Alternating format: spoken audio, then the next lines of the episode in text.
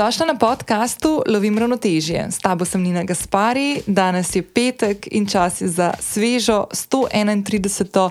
epizodo tega podcasta, v katero se danes vrača Barbara Muren Vrviščar. Barbara je bila namreč ena od prvih gosti sploh na podkastu Lovim ravnotežje. Bilo je poletje 2020, snemali smo prek uh, računalnika in te vabim, če še nisi ali pa se morda ne spomniš tega pogovora, te vabim, da skočiš na 39. epizodo tega podcasta, v kateri smo se z Barbaro veliko pogovarjali o njenem takratnem polju strokovnosti in dela in to je bil protokol in obnašanje po domače. Barbara je bila namreč vse do začetka letošnjega leta kar 13 let zaposlena na mestni občini Ljubljana v odseku za mednarodne odnose in protokol. In če misliš, da je protokol neka taka zadeva, ki se tebe ne tiče, ker to se odvija v nekih zaprtih prostorih, ki jih običajno vidiš na televiziji, v krogu politike ali pa mednarodnih obiskov, ko pride kraljica Elizabeta na obisk državniški in se tam postrojijo ljudje in se morajo po nekih pravilih obnašati in delovati, to res ne drži. Protokol je tudi del tvojega vsakodnevnega življenja, ki se ga lahko vidi že uh, v vsakem stisku roke, v izbiri obleke. V pogledu na uh, mizo, ko imaš pred seboj več različnih uh, vrst pribora, uh, pa konec koncev v praktično vsakem koraku in pogledu, ki ga opravljamo v vsakodnevnih situacijah, različnih pri delu, doma, na ulici, ko stopimo v trgovino in tako naprej. Uh, danes z Barbaro nadaljujeva pogovor, ki, se, ki smo ga končali pred dvema letoma, ko smo ga snemali prvič. Uh, Barbara je namreč uh, ne samo, da je uh, strokovnjakinja za protokol, je predvsem ena mojih najboljših prijateljic. Uh, Uh, in to vse od časov, ko smo bili študentki in obiskovali fakulteto za družbene vede, kjer smo se tudi spoznali. Je pa v mestnem času od najnega tistega prvega pogovora v 39. epizodi do danes, ko smo posneli ta drugi del pogovora, naredila en kup enih korakov. Na svoji uh, poslovni poti, na svoji uh, karjerni poti, in seveda, avtomatično zraven uh, se je razvijala tudi kot oseba, uh, in mi je bilo ful prijetno se danes z njo pogovarjati in govoriti o teh izzivih, ki si jih je sploh v zadnje, zadnjega slabega let, slabem letu. Postavila v spredje. Med drugim je upravila izobraževanje na področju protokola pri Kseniji Benedetti, ki je včasih bila vodja državnega protokola.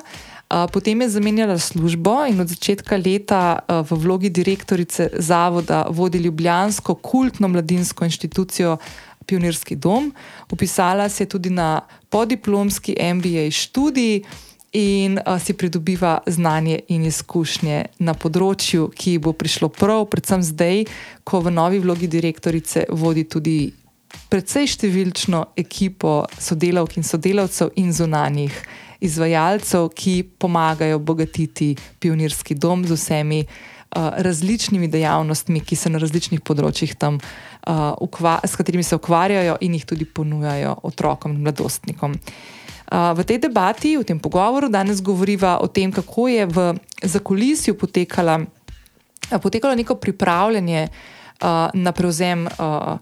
Direktorskega položaja, kako se je Barbara na to pripravljala, kakšen je postopek v nekem takem zavodu oziroma inštituciji, kot je mestna občina Ljubljana, uh, da zamenjaš službo, kako to poteka, um, kako je to zdelo pri Barbari, kako je usklajevala te svoje uh, notranje strahove, pričakovanja. Po eni strani, ko je vedela, je vedela, da je dobro pripravljena, da je pripravila res dober program, vizije za razvoj pionirskega doma, kako je to upravljala notranje na čustveni ravni, kako se je spopadala z razno raznimi izzivi, ki so se takrat ukvarjali, da je ta prehod um, potekal uh, lahkotneje.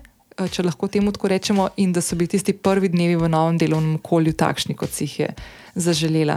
Danes boš v tem res iskrenem pogovoru, ki smo ga mimo grede posneli prav v Pionirskem domu, lahko slišala, s kakšnimi izzivi, strahovi, sponami, preprekami se soočamo, ko premikamo meje svojega življenja, kako upravljamo uh, sami seboj, svojimi čustvi in se znajdemo v novih situacijah. Uh, in kako v teh nekih novih okoljih, v katerih se znajdemo, uh, postavljamo meje in seveda tudi zaupanje, v barbarinem primeru, zaupanje ekipe, ki jo vodi od začetka marca. Preden skočiva v današnji pogovor, te vabim, da če še nisi prijavljena na podcast Lovim Ravnoteže, to lahko storiš zdaj prek aplikacije, na kateri običajno poslušaš podcaste. Vedno sem vesela tudi ocen in mnen, ki mi jih lahko pustiš na podcast aplikaciji. Ful sem vesela, če si zadovoljna z vsebinami, da pustiš pet zvezdic na aplikaciji, s tem mi pomagaš, da za te vsebine, ki jih z veseljem pripravljam vsak petek uh, za vas, slišijo tudi tebi podobne, ženske in tudi moški, seveda. Uh, vedno sem tudi vesela, če se mi oglasite na zasebna sporočila na Instagramu. V zadnjem času sem prejela kar nekaj, ne samo lepih sporočil in odzivov, ampak tudi. Konkretnih predlogov za vsebine, in sem vam ful hvaležna, ste mi dali kar malo za misel, tudi kakšne stvari in ponudili zanimive sogovornice in sogovornike, in se veselim, da bom tudi to griznila. Uh, Uh, vedno sem vesela, če delite, da poslušate podcast tudi na svojih omrežjih. Dajte me potegati, zato da bom lahko to videla in da bom lahko te stvari tudi delila in sem predvsem zahvalna za objavo.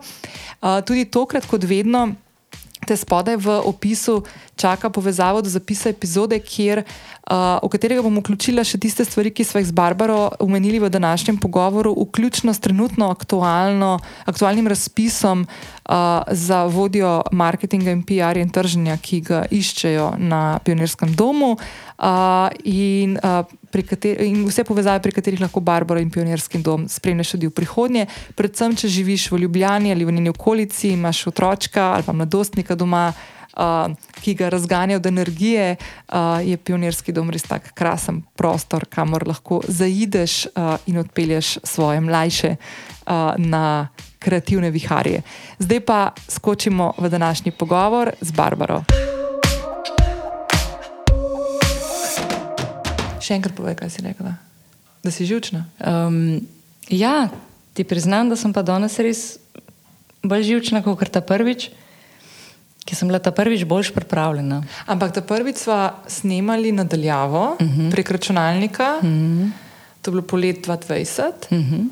um, in jaz nisem videla, da si ti imela pred sabo liste. Ja, jaz sem imela celo mizo listov, okay. ker nisem vedela. Hotela sem biti čim bolj pripravljena. Če me boš kaj vprašala iz področja protokola, ker recimo ne znam na pamet in ne, v bistvu plonk listke. Okay. Mm. Ej, sam, um, ful mi je zanimivo, zato ker, veš, mi dve, jaz sem že v vodu rekla, da če kdo ni poslušal te 39 epizode, ki smo se mi dve prvič pogovarjali in smo govorili večino časa o protokolu. In jaz sem takrat tako malo imela občutek, da mogoče ne bo neka taka tema, ki bo koga zanimala, ker se mi zdi, da doskrat mm. protokol jemljemo. Ker to so tisti tam, politiki morajo to vedeti. Mm. Pa če kraljico angliško. Ja. srečaš, moraš nekaj zateženega. Ne? Nekaj zateženega. Ampak mm. dejansko je v vsakem našem praktičnem koraku, vsak dan, ki ga naredimo, protokol zelo velik del tega. Je in ga delamo nezavedno. Ne? Ja. Mm. No, in ful zanimiva stvar ful je bilo odmevno, ful jih je poslušal. In še pol, dosti kasneje so mi tako se javljale uh, poslušalke. S kakšnimi, oh, kako je pa dobro na svet, uno juhančke, se spomniš. Ker ne bo vas zdaj povedala, kjer, ker če niste poslušali, pejte poslušati. Ampak uh, ne, in mi je bilo ful dobro. In, in najbolj nora stvar pri vsej, temu, pri vsej tej zadevi je, da, um, da jaz nimam nikoli pri tebi občutka, da je bila ti tako živčna. In zdaj si me kar malo presenetila. ne, se pravi, da se prepravlja, ne se to je the best.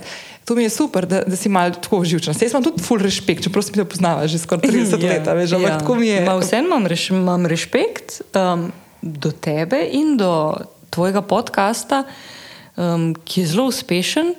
In uh, ljudi, ki jih povabiš, jih tudi jaz cenim zdaj mi daš pred meni mikrofon, mi je tako, čakaj, zdaj pa ne nižati nivoja. Ste pa, ste pa, ste pa.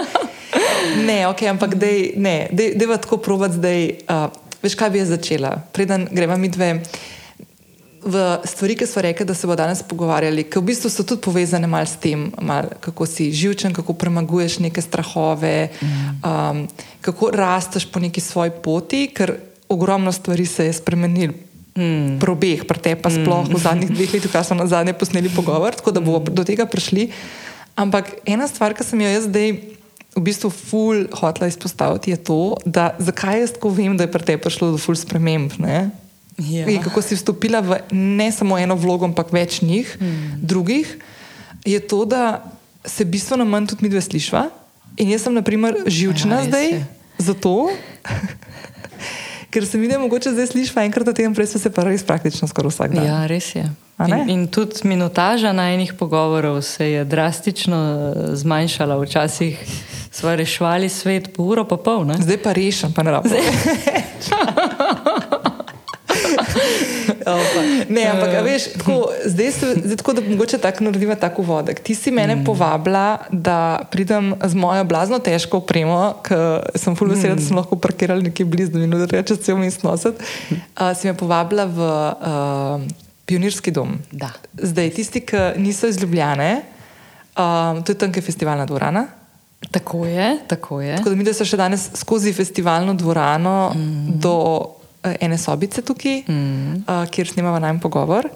Uh, mogli smo se zapreti, to mi je fulje potom, ker tako je umela. Mogli yeah. smo se zapreti, zato ker uh, ena uh, ustvarjalka oziroma umetnica, pianistka mm -hmm. vadi v sosednjem prostoru mm. um, vaje in tako to je. je iz Ukrajine. Tako je. Tako da ima ja. povej, kaj je to. Ja, um, v bistvu je kar nekaj uh, mladih ukrajinskih glasbenikov, članov različnih simfoničnih mladinskih orkestrov iz Ukrajine, našli zatočišče pri nas v Pionirskem domu.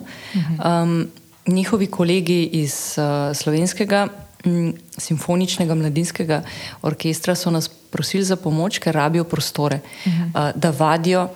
Ker jim je to kot glasbeniku, seveda, glasba največ pomen, in um, pozabijo ob tem, ko vadijo, ko so tukaj pri nas na varnem, mogoče lahko za trenutek pozabijo, kaj, se, kaj se jim dogaja v mhm. njihovi domovini. Nekateri so prebežali z uh, mamami, nekateri kar sami.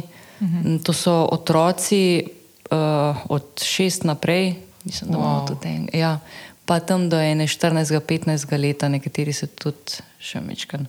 Uh -huh. um, še mečkam več stari in so izjemni. In um, tukaj vadijo vsak dan, uh -huh. uh, vse do povdneve. Uh -huh. uh, in uh, mi jih želimo vključiti tudi tako, ne samo da jim damo prostor, ampak smo jih povabili, da um, nastopajo tudi na kakšnih naših prireditvah. Nismo jih hoteli siliti, ampak smo jim ponudili, in ker je to del njih, tudi mm -hmm. nastop, ne samo vaja, so z odprtimi rokami to sprejeli. Da, ja, ja, so, izjemni so. Hudo. Mm, mm. No, in uh, jaz sem vedno vesela, ker stopim v festivalno dvorano. Mm. Ker imam flipe spomine na to, mislim, da smo o tem govorili tudi takrat. Povej, priceless, povej. Oči, če to poslušaš, sorry, spet bom to povedala. Ja, jaz, ko sem bila fulme, moja starša sta mene imela, ker sem bila stara, ker sta bila stara tam 20-21 let. In moj oče, oba sta še študenta, in moj oče se je med drugim je preživljal svojo mlado družino s tem, da je bil maneken. Ne? In takrat v Jugoslaviji je to full shop, ali tako full je bilo to, kar dogaja. Takrat je bilo tudi Bernarda Maro, tudi mm. še v Sloveniji, pridem še pa v Italijo živeti. No, in veliko modnih revij se je odvijalo v festivalni dvorani. Ne? In jaz sem bila ena od tistih smrkavc, ki danes, ko greš na kakšno modno revijo in vidiš v uh, prvi vrsti front row, kakšno otroke, si misliš, seriously, no, tam, no, tam bi mogli biti bajeri. no, jaz sem bila ena od teh smrkavc, ko sem bila stara ne štiri leta.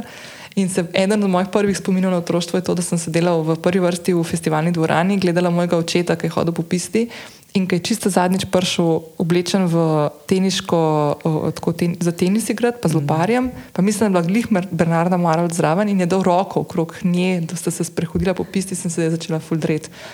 Da je to moj oče in da ne neha in da kva je to zdaj oh. tako zaščititi. No, ja, pa še to, da so mi vsi moški, njegovi kolegi, um, mislim, to so bili taki, to so bili fanti v bistvu. Mm. Ker so vedeli, da sem jaz pač črka njegova, smo vsi mi žikali, ker so se tam, ko so se na koncu wow. obrnili, veš, in se mi je zelo fajn zdelo. No, ampak na koncu sem pa mal imela izbruh. Um, Absolutno. Ja, posebnosti. no, ampak to je vedno, ko primemo festival, se spomnim, danes, ko so še mimo. Mm. Do tega prostora je tudi no isto. Ampak, da je mogoče, Barbie, da je. Um, Zakaj sem bil danes v pionirskem domu? Zakaj nismo na mestni občini v Ljubljani, naprimer, tam, kjer si bila 13 let? Uh, ja, zaradi tega, ker se vsako jutro odpeljem v pionirski dom, ne več na mestno občino, ker je to zdaj moja nova služba od 1. marca naprej. Ja, od 1. marca naprej si direktorica mm -hmm. pionirskega doma. Res je. Ja. Uh, začela sem petletni mandat. Mm -hmm. um, prijavila sem se na razpis, ki je bil zunaj novembra. Mm -hmm. um, in uh, nekako bila zbrana. To ni kar nekako bilo zbrano.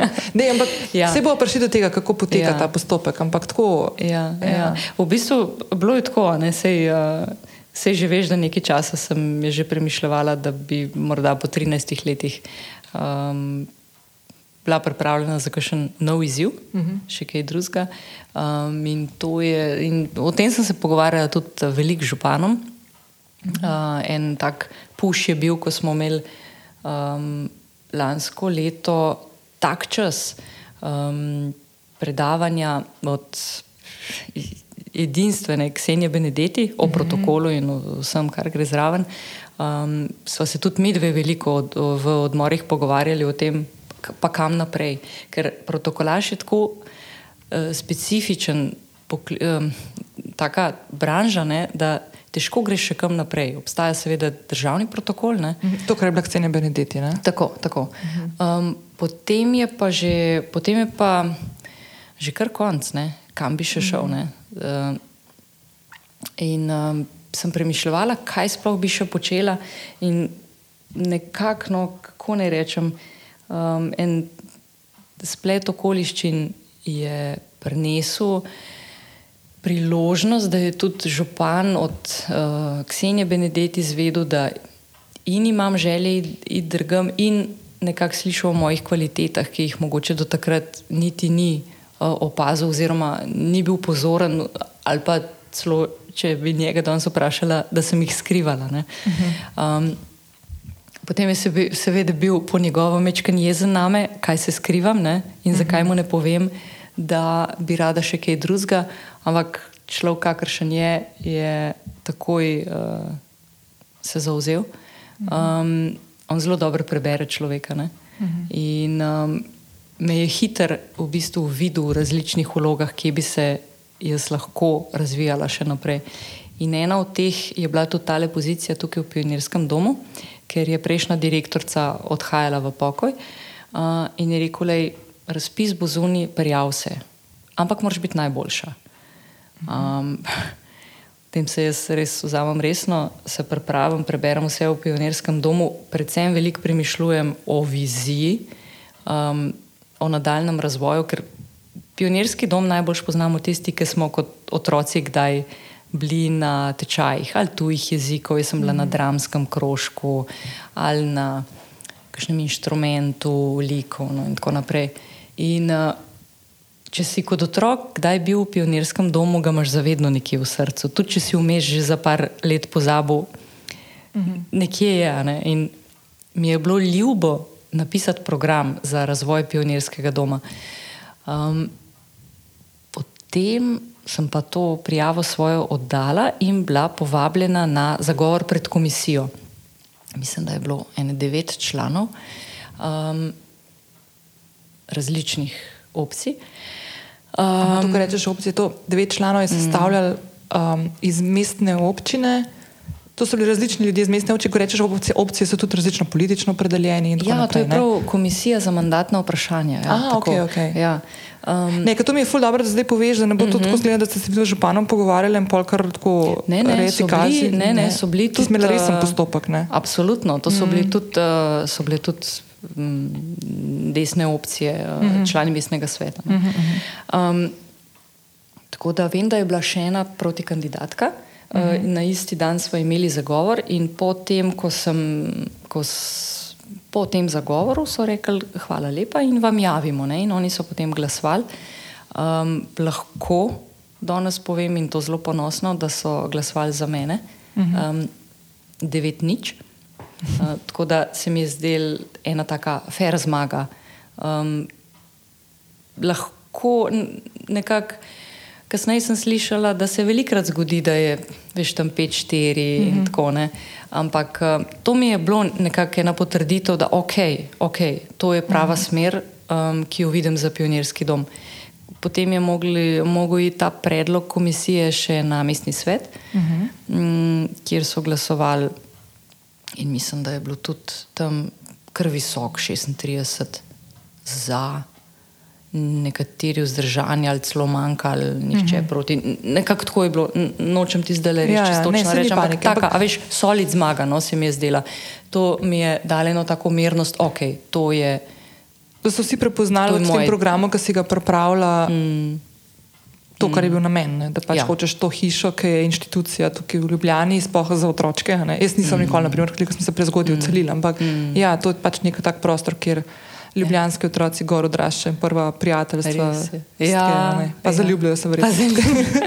Kakšne prve, prve ljubezni se rodijo tle. Ja. Tako, ja, tako.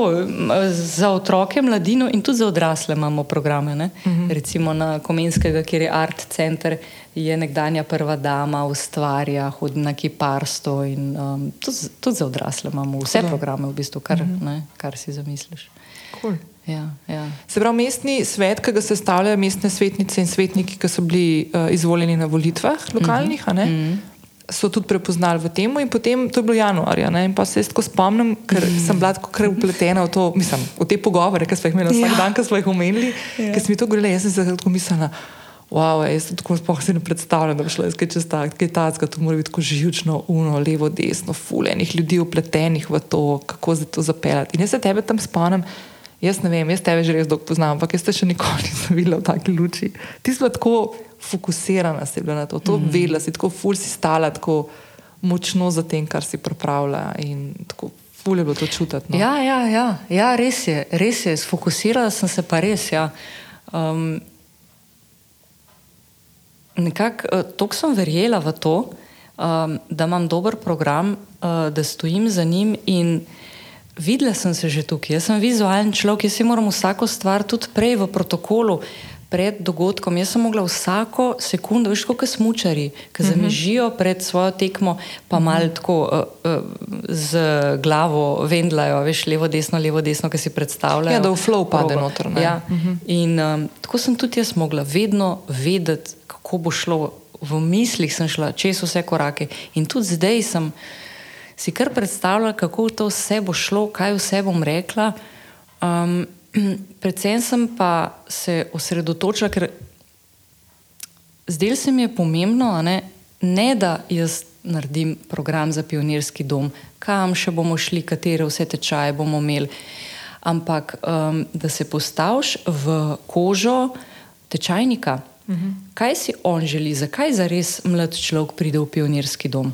Sigurno ne zaradi tega, da se bo po šoli še mal učil, ampak zaradi tega, da se bo dobro imel, da bo spet s svojimi prijatelji, da bo v uh, uh, takem spodbojajočem okolju. Predvsem imamo pa mi pedagoge, ki so vse prej kot klasični učitelji, ki jih -huh. imamo v šolah, ampak so eni taki srčni ljudje, um, ki ki učijo z dušo, ki se jim vidi, kaj zapojejo. Recimo, če imaš tu jezik, to prideš v učilnico, to je vse popopam po stenah, pa slike, pa zemljevidi. Vidiš tukaj, mm -hmm. vidiš tale star zemljevid.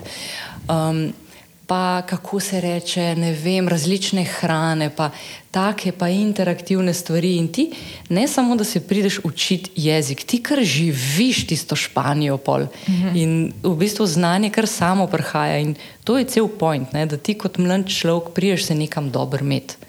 Mi hočemo mlade dati stran od ekranov. Prevečkrat se zgodi, da gre otrok že iz šole domov, je že na telefonu. Mm. In prije domov se usede na kavč in je že na telefonu zraven, pa še televizijo, mm. pa žgano, pa verjetno še kakšen računalnik od starša. Mm. In da prije v pionirski dom se bo dobro se bo imel, frende bo imel tam, učitelji niso zateženi, ampak bojo probali skozi kreativo, skozi inovativne načine. In velikrat se nam zgodi, vidimo tečajnike ki posedajo po štengah ali pa klele zunaj pred pionircem na travi sedijo. Pa, kaj pa vi počnete? Ja, imamo italijanščino, ja, kdaj, ja, čez eno uro. A veš, so, kar prej pridejo, ne, Aha, ker se imajo dobro. še. Pohengajo. In tudi pol, po tečaju, ne, če že starš ne pride takoj ga iskati, se imajo pa še malo dobro. In to, je, veš, to pomeni za mene drugi dom, da se imaš dobro, da res priješ z veseljem ne, in da ti je mogoče enkrat na teden že kar mal premalo. In premišljala sem o programu tudi na nas starše, ki prevažamo te otroke okrog. Mislim, to je res taksi služba. Ne? Hitiš iz službe, um, z avtom v rush hour stojiš v koloni, gledaš na uro, pobereš otroka v vrtu, v šoli, šibaš na drug konc, iščeš parkplac in pol pa. Kaj pa pol starši delajo, eni grejo ven, pa se pogovarjajo, kakšno kavico iz avtomata si vzamejo, drugi so kar v avtih, pa jih vidim, so na telefonih, pa cajtange berejo. Pa tako, veš. In to bi tudi jaz rada, da tudi starš pride v pionirca. Lih, ravno kar zdaj ne vem, koliko lahko govoriva o sponzorstvih, pa o imenih. Ne, kar povej, lahko. Uh, včeraj sem imela en super sestank z Lidlom. Uh, z, ni, eh, z njihovo krasno uh, Tino Cipot, ki jo obe poznava. Ki sem jo videla prejšnji teden. A, evo, in, jo, in jo še enkrat lepo pozdravljamo, obe. in z njeno ekipo, uh, res oni tudi razumejo. Ne? Oni uh -huh. res razumejo mlade, razumejo, kaj pomeni kvalitetno preživeti prosti čas. Um, in smo se včeraj pogovarjali, da bomo opremili en del naše plečnikove stavbe in jo bomo spremenili v Lidlovo ali pa mogoče v Zdravkotovo, ker uh -huh. Lidl ima tistega Mhm, ta zdravka. program, ne? Ja, ja, uh, v eno tako čakalnico, kjer bo en del za starše, pridejo, lepo preberejo knjige, bomo jim dali tudi misto, če ima kdo kaj za nares, naj prpele laptop sabo. pa tako. In en delček bo pa tudi za mlajše otroke. a Veš, starš nima kam drugega otroka porintne. Takrat, ko je en otrok lih na tečaju, pa so pa to ali dojenčki ali najstniki. In bomo naredili tudi tak kotiček, da bojo pa knjigice, interaktivne igrače. Veš, da bojo tam se dobro počutili v pionircu, ko bojo čakali na stare otroke. Ej, ampak, veš, a veš, kaj je še ena taka stvar, ki je pa pri Nilskem domu mogoče zanimiva? Kaj se spomnim, ko, sem, ko smo še v Ljubljani stanovali, preden smo se preselili na obalo in je bilo to prevažanje otrok. Ne, iz, mm. Mi smo tam živeli na predelu Fužin mm. in pol je bilo praktično vse stvari so bile v centru. Mm. Takrat je bil še center odprt za promet. ne. Ja. In jaz sem naprimer v kazino hodila. Mm. S kolegico, sicer smo špricali, vedno, pa so se še pohajali po mestu, tako da ne, sam to. Mogoče bi smogla ne plesne vaje. Prid, imamo. Boš dobila parkplac. Ja, ja, da veš. No, ampak, ne, ampak veš, tudi to je stvar, ne, da v bistvu ti otroka tukaj pustiš in je, ni čist tisti strogi, strogi center mm. mesta, da tudi če otrok mm. gre ven s prijatelji, pa se pogovarja, naprimer, da rečemo, da, šp, da šprico ne, da to spodbujamo. Ja, ja. Tle okrog je v bistvu dokaj umirjeno, na, sa, ja. na samem je, Ja, res varno je. je, Varno ni neka je. cesta zraven, takoj, ki bi, naprimer, je res, ja. a veš, Ta zelenica zunika. Ja. Ja. Ja, ja, ja, definitivno. In tudi uh, zaradi tega so vse naše počitniške šole, ki jih imamo julija, mm. pa avgusta, jih probamo čim več dati ven. Ne? In za otroci imajo najbolj zunaj. Ja, ne, neki igrač, neki zarisati, mm. kaš, a veš in zraven. Ki jim karkoli poveš, ne vem, ali po nemško ali po angliško, to se kar naučijo, kar eh, spužvice. Ne? Ja, Ja, ja. upijajo, ampak itak so najraje po naravi. Ne. Zaradi tega bomo v septembra dali ven tudi nov, nov um, program Mladi v naravi, uh. kjer bomo ne glede na vreme, dež, sneg, karkoli, staršem bomo prej povedali, uh, oblečite otroke, dajte jim sabo, ne vem, ali balerine, ali uh -huh. skibucke, ali karkoli, bomo zuni. In jih bomo učili stran od telefonov, stran od tudi zidov, v bistvu preživeti, ne za res preživeti v naravi, ampak kako dobro preživljati čas. Uh -huh. Pa če bo veliko snega, bomo pa igluje delali, pa, bo, ne, pa se bomo ogenj naučili, veš, skoraj da taborniki, spoznavali bomo vodo. Imam že fante iz moje šole, ki jim bojo šnorkling, šnorkling opremo. Pripeljali bomo napihnili en bazen z vodo, pa se bojo to učili. Ne? Pa bomo imeli jamare, pa gasilce bojo prišli. Tako, veš, Hudo. se mi zdi, da otroci rabijo to. Ne? Res, so, res so odprti za to, ampak moramo jim to omogočiti, moramo jim to ponuditi in bomo imeli razpon od 6 do 13 let. Hudo. Ja, da bojo hodili. Je pa tudi to res, kar si rekla, ne, s temi prevozi. Uh, to sem že v intervjuju za delo um, takrat marca izpostavila, pa dovolj, da še enkrat. Um, mi bi radi starše tudi razbremenili. Ta vožnja, to je, pa dokler otrok ni dosti star, da gre na avtobus, je res zamudna ne, in bremeni ta promet. um, in bi jim radi omogočili, da bo en varen prevoz, kot en kombi mm -hmm. ali karkoli, veš, da otroke Aha. pobere v vrtu ali pa v šoli in jih pripelje v pionirca. To, to se mi zdi nekaj, kar bi mogli vzpostaviti. Uh, ali na ravni pionirskega doma, ali pa mogoče na ravni kar Ljubljane. Ja. Mm -hmm. mm, mm. Ej, to mi je fully všeč, ker um, glih prejšnjo epizodo, ki sem imela Barbie, mm. ki je specialna pedagoginja. Mm -hmm, mm -hmm. In smo se kar nekaj časa pogovarjali o tem, um, jaz tako ful nočem, a veš, izpast. Um, Pametna, zato ker nimam otrok ne? in ne vem, kako se zdaj to dogaja v šolah, kakšni so ti programi. To, ampak to, kar slišim, mm. imam jaz tako nenehno en tak občutek, da se stvari od tega, kako, so, kako smo mi šolo doživljali. Pa ne mislim tako, Vse nam je bilo fajn, vse ni bilo nič grozen. Ampak ta občutek, ki si ga imel skozi, da v bistvu je tvoja naloga tam, da poslušaš in da ponoviš tisto, kar si slišal. Mm. Mm. In se mi zdi, da danes, jaz sem ful žalostna, ker se mi zdi, da to še vedno tako ful, mm. ful se v tem, v tem um, formalnem delu izobraževanja otrokom dogaja, da se jim ne pusti tega, da so otroci. Mm. A veš, da se mm. igrajo, pač svoje starosti, primerno. Mm. Mm. Da so tisto, kar so, kar znajo biti santone. Mm. Um, Valjda se morajo učiti, itak, ne, ampak da jim, ne, da, da jim bolj odpiraš ta, po, to polje njihovega premisleka. A veš, da razvijaš otroke mm. v, v neke kritično razmišljajoče posameznike. Absolutno. In zdaj, ko mm. tebe poslušam, kako to delate tukaj, ne, mislim, in verjetno še marsikaj dreti, te neke mm. popoldanske, dopolnilne mm. uh, urice ne, mm. za otroke, se mi zdi, da so, to, da so v bistvu prevzele v veliki večini ta del odraščanja. Ja, ja, in so pomembne. Ja. Res je pomembno, kam po šoli. Um, gre tvoj otrok. Ne? Ker mm -hmm. žal je šolski sistem še vedno tak, tako kot si rekla, tako kot smo mi doživljali šolo. Mm -hmm. Pet tja, ti jih bod nauči se, mm -hmm. tudi če ti gre predmet na živce. Dobro, te generacije zdajšnje že malo več sprašujejo, ne? pa zakaj mm -hmm. to, pa zakaj to, pa želijo širšo sliko. Ampak spomnim se, kako smo bili mi v šoli. Tole se nauči na pamet, 20 ali yeah. Ne, nekih mitohondrijev in to je to. Mm -hmm. um, in mi smo se v šoli dobro imeli zaradi družbene, ja. ker smo se hecali. Ampak čim si se pa usedel za mizo, nam je pa obraz vsem dol padel. Dobro, mm -hmm. Vsak je imel nek svoj najljubši predmet, ampak škoda. To, to, da še nismo šli od takrat naprej, da bi res nek preboj naredili, zamenjali že te učbenike, pa z drugačnim mm -hmm. pristopom, da slišiš otroka, ki ima izziv. Mislim, to, kar enkrat začneš otroke poslušati, o čem oni premišljujejo, ko si samo tiho zraven njih, mm -hmm. pa da jih slišiš, kaj govorijo. Jaz sem navdušena vsak dan. Mm -hmm. In te generacije otrok, ki so zdaj, oni bojo vodili cel svet in mi jih moramo opolnomočiti, da bojo znali pravilno premišljati, ne samo, da bojo vodeni, mhm. da bojo naredili, da bojo dobili ceno zaradi tega, da gremo v naslednji razred, ampak da bojo dobili širšo sliko, sploh mhm. v svetu. Mhm. In um, to, kar se jim je zgodilo, so te ekrani. Meni se zdi to lahko je čudovit pripomoček, če ga znaš dobro uporabljati. Ne? Lahko je pa zelo. In uh, se veš, Južna Koreja, ne vem, koliko 200 klinik imajo že za odvajanje od ekranov. Ne? Uh -huh. Dober, pri nas še ni tako hudo, ampak tudi gre že vse v to smer. Ne, uh -huh. ne vem, starši odštevajo ne vem, koliko 100 evrov za tedenski mm, kemp brez telefona. Uh -huh. To se že dogaja. Ne?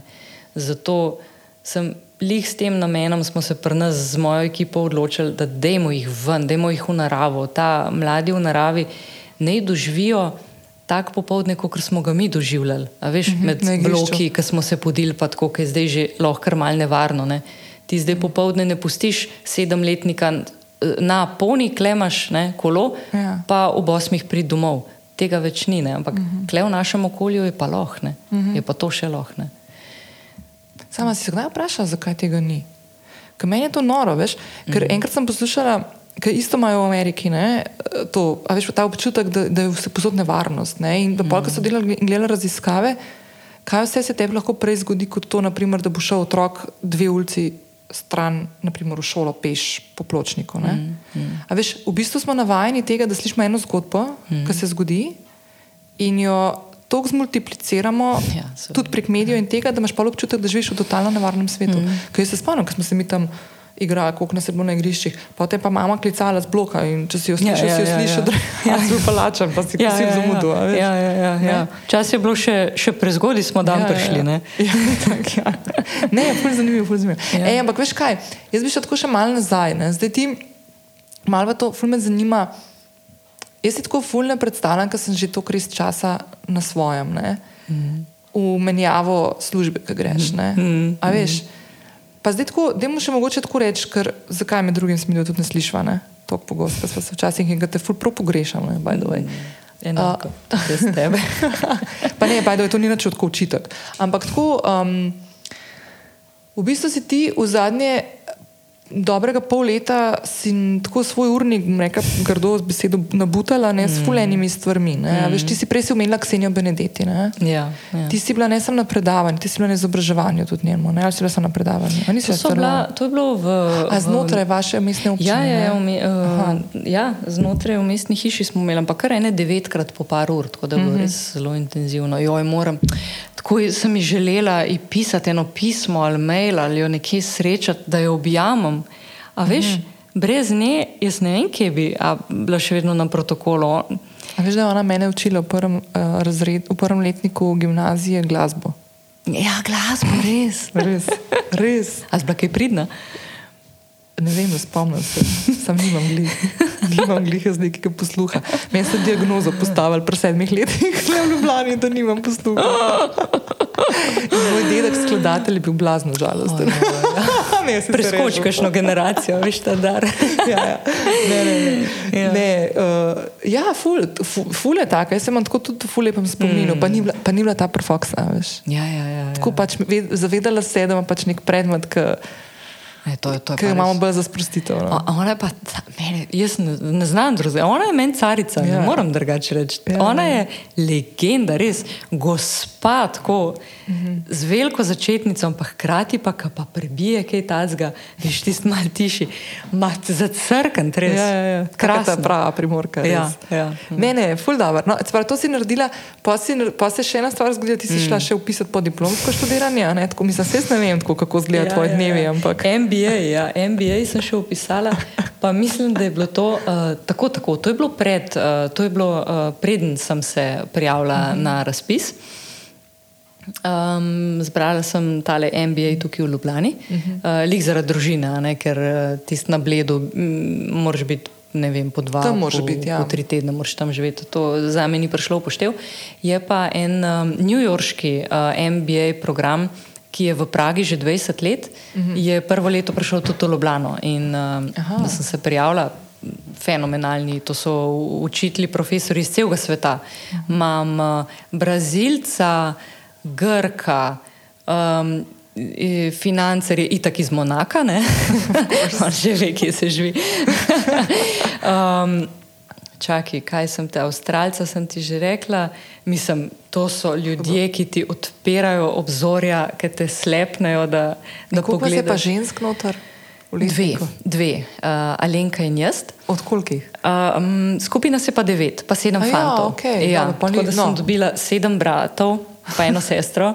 Uh, in je že ta glavni profesor, ki je tudi po mojem vodja uh, Praške uh, univerze, MBA študija, je rekel, da kaj tazga pa še ne. Da kaj ta... Tako da naslednji vikend imamo uh, sobotn, uh, sobotno šolo kar na obali, pri enem sošolcu na terasi, ampak resno, vsak svoj laptop bomo delali, uh, pa pa piknik. Ne? Tako da, ja, ne, res izjemni so in vsake iz svoje branže, veliko si pomagamo. Uh, Čakaj, lahko to povem v slovenščini, mogoče lahko, te perfoksi ne znajo. Tudi med izpitom smo si že okay. poslali rezultate. ti, ti, a veš, je Ja, valjda. ja, ja, ja, tako da res krasni so, krasni so in skupaj premagujemo. Ej, sorry, ampak to, kar jaz, ki ful pravila spoštujem in ne vem, ne grem iz občine, če je bilo prepovedano. Okay, lahko brišeš ta del. No? Ne, ne bom brisala ta del. Ne. Tudi ta del, ki jaz tako spoštujem, valjda smo tudi plonkali v šoli. No, come on, veš, to je tako tudi del tega. No. Ja, Se si mi mislil, da bom pri svojih letih še kar plonkala. Ja, pa valjda, valjda. Oh, come on. Ja. Ne, the best. Mm. Ej, ampak, um, no, da mi veš kaj, prej si omenila, da si ti, čakaj, s prvim tretjim, ne, si prišla v pionirski Ja, dom. ja, okay. tako, ja. uh, predtem je bila tukaj mm. uh, tudi bivša županja. Ja, Vika. Vika, Vika, potočnik, Potočnik, gospa. tako. Um, koliko časa je pa ona to vodila? Mm, Kar nekaj 15 let. 15 let je bila ona tukaj. 15 okay. let, 15 no, let. in zdaj me ena ta stvar zanima, Barbi. Ne? Se veš, da ti bom dala kakšno tako vprašanje. Da ti prideš v neko novo okolje uh -huh.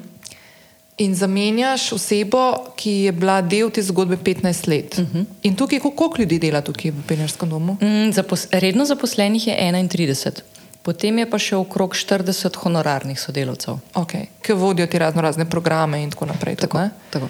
Okay. Mislim, jaz si tako sploh ne predstavljam. Ne? Najprej, veš, ful enih stvari se zgodi. Ne? Ena stvar je to, da greš ti v novo okolje, mm. druga stvar je to, da si dobila s tistim zaupanjem in glasovi potrditvenimi, ne samo to, da si dobila potrditev, ampak tudi prekleto veliko odgovornost. Ja, Ne? ja. Tretja stvar je, da, ok, pa pustimo zdaj, da študiraš, pa da vsak drug vikend si tam, pa mm. tudi če je to na obali, pa, pa piknik, pa, to, pa da imaš doma mehkega otroka, mm. pustimo to še zraven. Ne? Ampak, a veš, pa greš pa še v vlogo vodje, ja. ki je neka nova vloga, ne? imaš Res. kar naenkrat pod sabo ful ljudi in. Ja. to ljudi, ki v bistvu so bili 15 let navajeni mm. ene osebe. Mm, ali pa še več, veš, eni so kle že kar No, no, no. eh, 30. Cel življenje že Ja, praktično ja, dela, ja. delovno dobo. Mm, mm, mm. No, in kako zdaj mi to malo razložiš, ker to je pa meni tako klaster, mi ja, tako eksplodirajo ja, možgani. Ja, ja, ja, ja. Um, ja um, ti priznam, da še nisem čist dojela vsega tega, to je res. Um, mogoče kako to, da pol jaz stopam v čevlje ene take gospe, ki ima za sabo že celo kariero in ki je bila navajena imeti uh, velike kolektive. Ne vem, mogoče je to celo vprašanje za župana, ki, ki je zbral pogum in rekel: uh, Ti kaj, če ne?" bi ti prijavil? Se, ja. um, zelo veliko zaupanje sem čutila vse čas. Na tej točki moramo omeniti uh, podžupanjo Tjašo Ficko, ki um, v mestni občini skrbi za področje kulture. Z njo sem imela tudi en zelo lep sestank, uh, me je čist konkretno vprašala, pa kaj bi ti rada. Ne? In iz tega naprej smo imeli fenomenalen pogovor. Ona je ženska, ki jo res zelo občudujem. Um, ima eno tako ta pravo mero ostrosti, um, uh, podpore, spodbude, usmerjanja.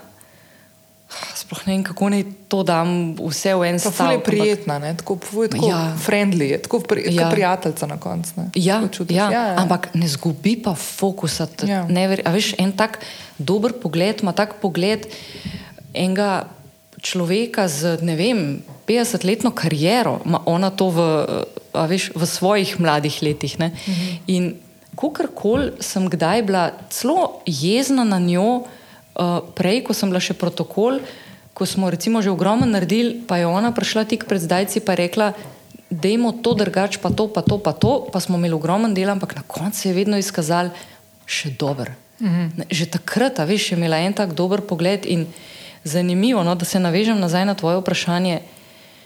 Ne vem, kolikrat sem se spomnila na njo, ko sem vse to um, zamenjava službe, prvi pogovor z ekipo, um, prve težave, kako rešiti eno stvar, um, kako se kle znajdeti, kako skomunicirati.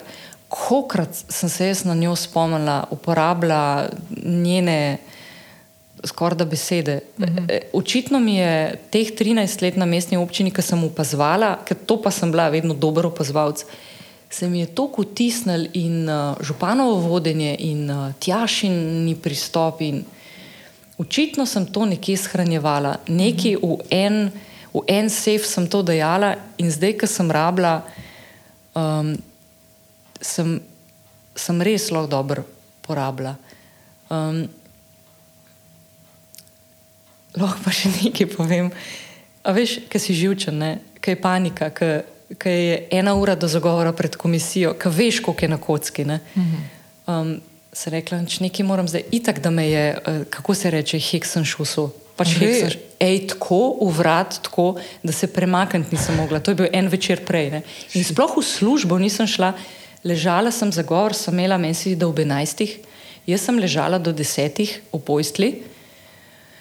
Uh, Pol itak ta adrenalin pred komisijo, pa še tako sem se usedla, da sem mogla se obračati vsem, vsem članom komisije, skrajno levo, skrajno Aha, desno. Ja, ampak za une pol ure ali eno uro, ki je bil um, naš razgovor, je vse popustil, mišice mehke, sem se lahko obračala, pa me je pa spet zagrabili. Itak se veš, adrenalin svoje naredi. Ampak kva sem jaz počela cel dopoledne, ker sem ležala v pojstli. Jaz sem gledala film Bohemian Rhapsody. Ne vem zakaj. Ne, ne vem. Tako neumno. Jaz bi mogla imeti liste pred sabo in se pripravljati, ampak se mi zdel, jaz sem pripravljena, zdaj pa nekaj me more umiriti, nahajpati, a veš, spodbuditi, nekaj me more sfokusirati. Uh mhm. -huh. Zakaj sem si izbrala ta film, še danes ne vem, ampak nekako dobro se je išlo, če smo danes tukaj. Kaj je ta fura s tem Bohemian Rhapsody? Ja, okay. To je zdaj ta tretjič, ki sem ga gledala, vsakeč spoznam nekaj novega iz tega filma in potegnem. Ampak evo, to, to, bilo, to sem jaz počela eno uro prej.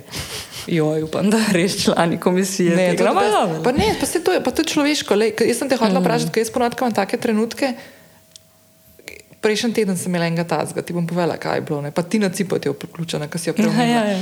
Ampak to je tisto, veš, kaj je fuljenih stvari, pa si jih veseliš, pa imaš občutek, da si pripravljen. Oziroma, mm -hmm. v mojem primeru, prejšnji teden je tako, da niti ne da sem pripravljena, ker je bil point v tem, da nisem. Mm -hmm. Point je bil v tem, da smo pristni, pa da tudi pokažemo, da tudi lahko zafrknemo pred publiko, kakšno mm -hmm. stvar, veš, tako čist mal. Mm -hmm. Jaz ponovadi pa grem v uno, ah, klincne kar bo pa bo. Ja, ja, ja, ja, ja, to je ta faza, po mojem, ja. tik pred koncem. Ja. Recimo, tudi preden smo mi maturo pisali, pa sem bila zelo dobro pripravljena na maturo. Tik prednji je profok stopil noter, po mojem, je bilo iz latiščine ali kaj takega, res še posebej, a veš, težkega. Sem... Čak, sorry, ti si delal latinščino na maturi na izpitu. Ja, ja. kaj tasga. Oh, Jaz sem imela en let, pa sem upala. ja. oh, ave pa vale, to se spomnim. Ja, oh bravo, bravo. No, no, no, začetki so. Ja. In ti, par trenutkov prednje prfok stopil not, sem imela jaz toliko adrenalina. Uh, jaz sem hodila uh, v gimnazijo na Šubičevo gimnazijo, ne? zdaj je gimnazija Jožeta Plečnika in takrat so fasado prenavljali. In okna so bila zaprta, zato so bili odri um, postavljeni. Pisali smo v tretjem štuku In jaz nisem več vedela, kva naj naredim, in sem odprla okno in sem šla laufat po odrih, gor pa dol. Očitno sem imela toliko velike energije in postopom not, profok to vidi, ja zdaj bo pa ukorne. Sem rekla, kašen ukor. In je rekel, ukor pred izključitvijo. Sem rekla, sam mečkan, dajmo mi to zdaj odpisati. Jaz sem četrti letnik, nameravam narediti, tako da vi me kar izključite, ne? sam da jaz to le zdaj odpišem. No, skratka, in sem pol odpisala. Ampak, a veš, ta, te sekunde tik pred, ne? Smešno. Ne. Moraš neki. Ja, ja. Ne? takrat ponovadi kašne take, ja, kašne te neumne, sprostiš, ne? vse čakre. Ja. Ampak prej, ki si omenjala uh, podžupanjo Tjaša Ficko, mm. sem tle odprla mojo knjižico, ja. v katero sem mislila, da danes si kakšne zapiske delati. Mm -hmm. In je. Uh, aha, ok, snemamo naprej.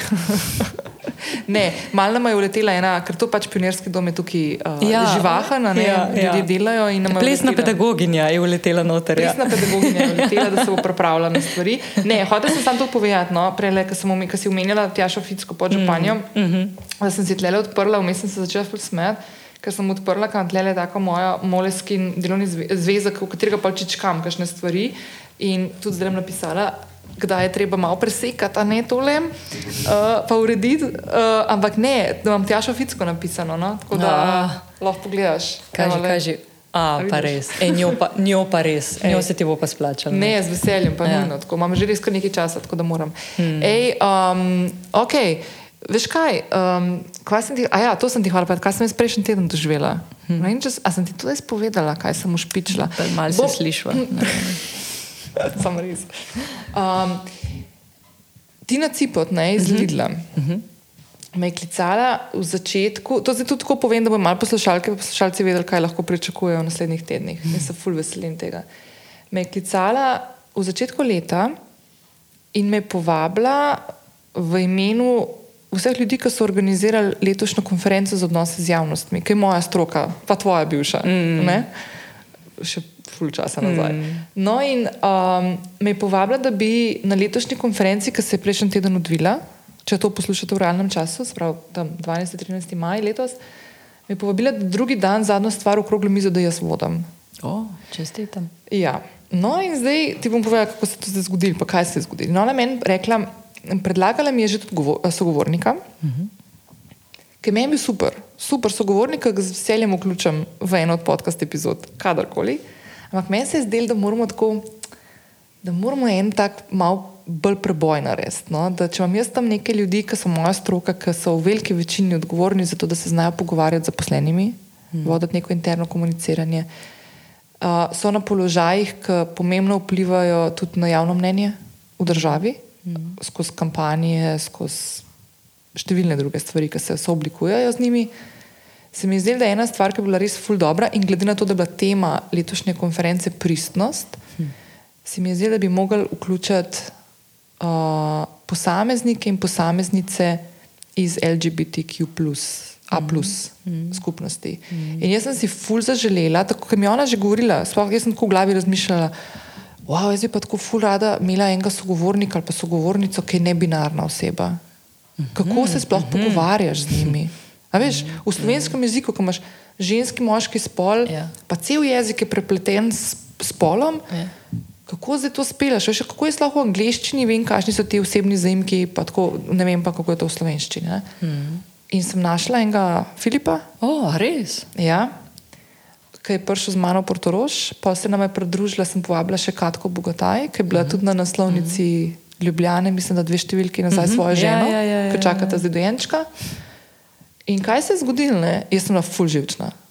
In že ta prvič, ko sem se s Filipom dobila, sem bila ful živčna, ker sem vedela, da bom ful stvari na robe rekla ali pa vprašala. A veš, ko veš, da, da si analfabet na tem področju. Ne? In je to point, da pač je bil zaradi tega, sem to tako klic naredila, da hočem to speljati. Mm -hmm. In isto se je pa zgodilo pred stotimi ljudmi. Um, in kaj se je zgodilo, in sem ful presenečena. Najprej to, da so vmes postavljali vprašanja. Tako da sem imela plan posneti pogovor za podcast, ki ga sicer bom, ampak ne bom uporabljala unga, kar smo v Portorožu imeli yeah, ja, na ja. konferenci, yeah. zato ker je čisto razpadel uh, session, ampak in a good way, za tiste, ki so bili tam, za tiste, ki bi poslušali, ne bi bilo zanimivo. Tako da bom to posebej posnela s Filipom Paskatko, ker to je treba slišati in se naučiti iz tega. Ampak kaj je bilo pa noro vmes, da sta Filip in Katka vmes ene trikrat dobila aplaus mm. v Sloveniji. Lepo. Mm. Mm. Ampak živčna sem pa to, ampak res tisto, da prva stvar, ki sem se pa uselila, pa tisto, kar bo pa bo. A si imela malo bohemije, ne vse zgolj. Fredi v meni se zbudil. ne, da veš, da veš. Uh, ne, kje smo zdaj mi ostali, ti si, da imamo še kakšno tako stvar, ki bi jo lahko vključili zdaj, le, ali bo še en session naredili, malo tako mi dve. Ja, se hmm. veš, najuspešnejši. Ne, veš, kva moš povedati, da je se malo pohvalil. No, kva se je ta teden zgodil? Že pozabila. A ponedeljek? ja, no, nisem pozabila. No. Ja, imeli smo zelo visok obisk. Ja. Um, je to najvišji obisk v bistvu pri nas lahko? Absolutno. Po protokolu. Absolutno. Okay. Šef države. Okay. Uh, prvi, prvi človek v državi nas je obiskal predsednik Republike Slovenije, gospod Borod Pahor, um, ki nam je ob prihajajoči um, obletnici 60. obletnici delovanja pionirskega doma, Aha. ki bo prihodnje leto, ampak z praznovanjem začenjamo že letos. Uh -huh. um, nam je um, podelil zahvalo predsednika Republike Slovenije wow. in sicer um, pionirskemu domu kot navdihujočemu središču raznolikih dejavnosti, kjer se mladi učijo novih znanj in izražajo svojo ustvarjalnost. Hudo. In to je uh, najviše priznanje, ki ga je Pionirski dom dobil do sedaj. Imamo tudi že priznanje mestne občine Ljubljana, zdaj pa še predsedniško. Zdaj pa še državno. Zahvalo, tako še na državni ravni. Dogodek je bil pa ma, žur, fenomenalen, zato ker, je, ker smo združili v festivalni dvorani, se je uh, odvijal festival lepote. So združene šole, frizerji, oblikovalci uh -huh. in tako naprej. So naredili spektakel z modno revijo. In uh, na začetku tega šova so nam pustili, da je predsednik pozdravil, no, seveda ne, in da smo naredili ta protokol, z, ko sem jaz v imenu Pionirskega doma to zahvalo prijela na odru. Posvečam jo absolutno ekipi Pionirskega doma, mislim, to je par si jih zdaj že spoznala. Uh -huh. To je srce v obliki človeških teles, jaz drugače ne morem reči. Krasni ljudje, ki so me tudi sprejeli, mislim, od prvega dne naprej, res z odprtimi rokami. Zavihali smo skupaj rokave, šibamo naprej, kot da bi vem, se poznali že deset let. Um, in ta zahvala je posvečena njim, oni so jo prigarali, za njih je. Um, Ja, in potem je bila ta modna revija, um, ki je bila zelo tako pestra, igriva, super je bilo. Um, potem si je pa predsednik vzel še ma, dobre pol ure. Smo ga pa pelali po celem pionirskem domu, da je spoznal od teh malih pikcev, štiri leta starih, ki so se učili angliščino, pa hello, mister president, pa tiste glasbene urice. Pa je predsednik na robe pokazal ksilofon, pa mu je en fantek rekel: Ne! reality check je bilo ja, vrhunsko. Um, do, ja, pa drugi jeziki, pa naš um, maestro Giovanni, ki uči italijanščino pri nas že 37 let, pa sta ona dva malna hodnika v italijanščini poklepetala. Pa pol smo šli na impro, ejo, impro bi mogla videti. Uh, mulci, osnovnošolci um, na gledališki urici improvizacije. Mm -hmm. In so dobili nalogo, zdaj pa predsednik se je lahko zbral in rekel: ja, Dajte, ne vem, predsedniško palačo, nekaj mi zaigrajte. In ko so oni začeli igrati, to predsednik, pa da pride en, podpišite mi za fusbal, igrišče, pa tako, mislim, za crkven. In pa smo šli še, posod smo šli, pa še. Um, Mladi pianistki, tudi iz Ukrajine, smo jo prosili, no, že do povdne, da bi za predsednika nekaj zaigrala in no, ukrajinsko pesem. To je bilo sploh Dobre. res prav, so vzne oči. Uh, Uh, pol pa, pol pa, pa smo šli pa še na drugo stran, pa še cirkus, pa ples, pa uh, ena mlada pevka, ki je mentorica naša Eva Moškon, ki je pri nas zaposlena, Aha. je zapela tudi Bohemian Rhapsody, ker je to od predsednika itak najjači komat. Ne? In da je to v jazz izvedbi slišal, tisti je bil kar tak, veš, ker malo kolenčka se zatresla. Res taki. Taki momenti, a veš, čustveno taki nabiti. Uh, meni je bilo pomembno, da je videl pionirski uh -huh. dom, da ga je spoznal v tej luči, um, polni mladostne energije, kako v bistvu pokakle po šivih, uh -huh. mladi, kreativci. Če sem zdaj se tako že fulejnih stvari tako zgodilo, čak, zdaj smo mi tako v dveh mesecih pa pol, ne? V pionirskem domu. Ja. Mislim. Ja, ja, ja. ja, to je bila ena od prioritet za mene, da pionirski dom odprem, da mhm. spoznajo vsi, ker če nisi bil v pionirskem domu kot otrok, mene srce boli, koliko premalo ljudi ve za pionirski dom. In zdaj gremo bolj marketinško ven, bomo posod. Uh, imamo razpis tudi za to, da pove. Ja, ja, ja, razpis imamo do ponedeljka, sicer, ampak mislim, da je to živa stvar. Uh, lahko da ga bomo še podaljšali, lahko da bomo ponovno odprli.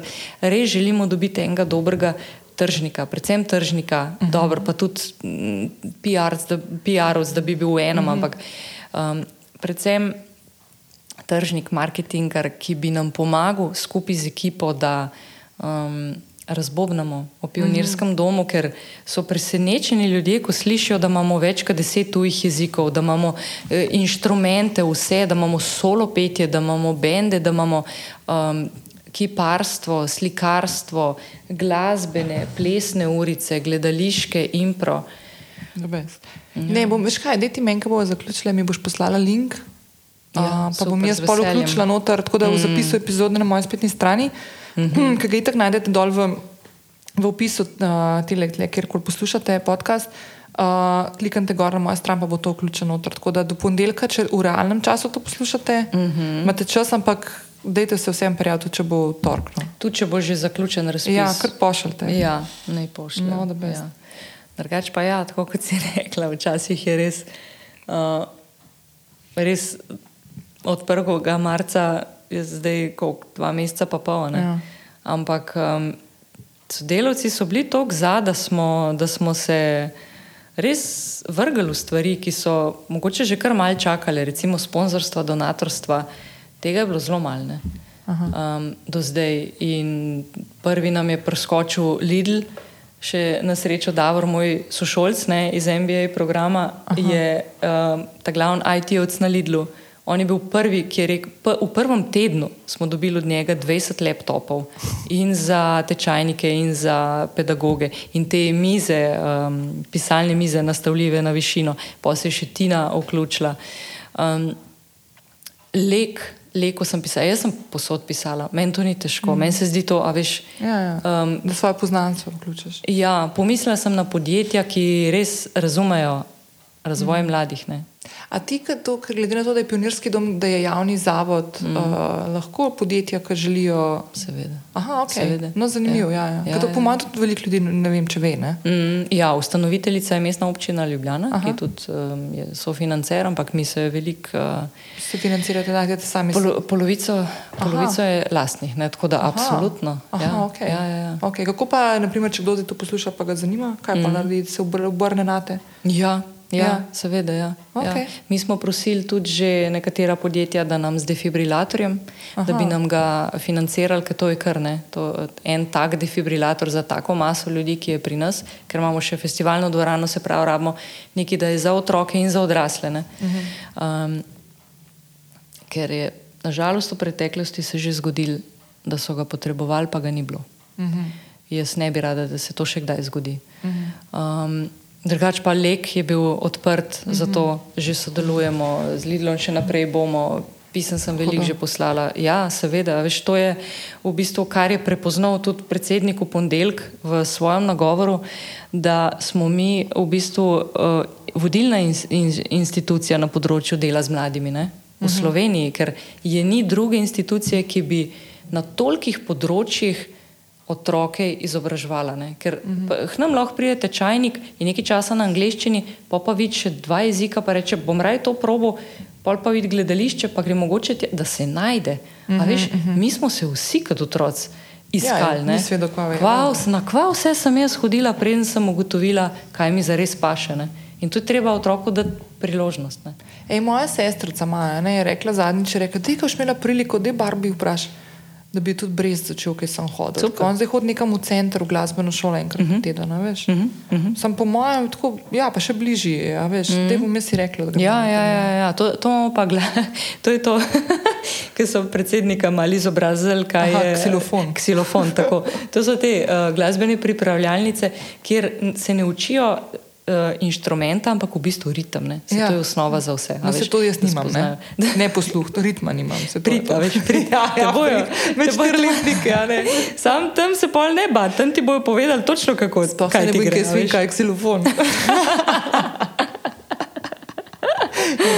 Ej, ampak, se glih režila zdaj. A veš, kaj se je zadnjič zgodilo? Brez te prišel, uh, uh, Maja je prišla do, do Mihata uh Mhm. -huh. in je tako, neki, ne vem, kaj je hotela, si zmerno pritiskal, kaj se kaj. Glavni je brez to leto noter in on vidi tam kitare, a veš, ko kitare vidi. In tako, oh, tako uči, a veš, velike. In pol, in pol tako reče, reče Miha, a bi probil, ne? Pa tako, ja, in mu da benjo. A ti veš, ko se benjo igra? No, ne veš, ne. No, se jaz tudi sem že to pozabila. Take nastavke daš na fulje seksi. Take nastavke kovinske daš na, ro, na prste, kot krempelčke in s tistimi igraš. In mu je to dal gor na prste. Jaz sem se to kražala. Oh, Oh, sem se wow. to kražala. Upam, si kaj posnela. Itak. Ampak tako je bilo dobro. Čeprav pa sem pa videla zadnjič en video, ki se ga pa z lokom lahko tudi igra. No, tako zanimivo. Mm -hmm. Ampak je še, še ena fulj zanimiva stvar. A veš, da jaz zdaj toliko časa, ker nisem, no, lažem, nisem bila v festivalni dvorani na zadnje, ampak tako čisto slučajno. Na teh Uh, novinarjih, ne? Ja, ja, na Ja, ja. podelitvi novinarskih nagrad. Mm -hmm. uh, čisto slučajno smo letela noter. Mm, drugač pa gre, fulj zanimivo, ne? Danes bom spet, ne? Oh, Ja, ker sem, grem pa v mladinsko gledališče na predstavo. a, kaj boš pa gledala? Vročina. Ne, vročica. Vročica? Ja. A hlapce si si pogledala? Ne, še, to je bilo pa prvo. A, Ja, ja. Ti, to je gledala. pa uno, ki je bilo, Je bilo? zelo udarno. Udarno. Ampak zanimiv eksperiment. Jaz Ja. Si pogledala. Čakaj, to so tudi šolari prišli gledati. Pa, Ja, ne? ravno takrat, ko sem jaz gledala, so bili eni gimnazici. Um, in dej, uh, dovolj mi, da na tej točki povem nekaj, kar smo želeli pri festivalni dvorani. Dej.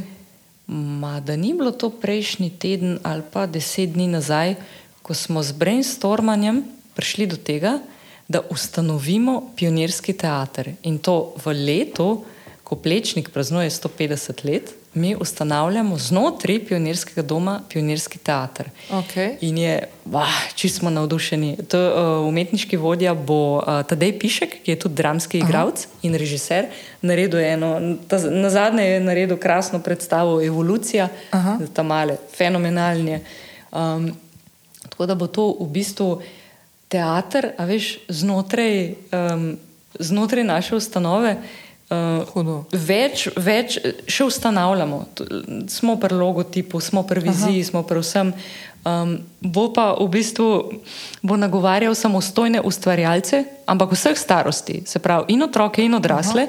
Um, vse, ki so zaradi kulturnih ne, nenaklonjenih razmer ostali brez možnosti promoviranja lastnih nastopov in najema dvorane. Ne.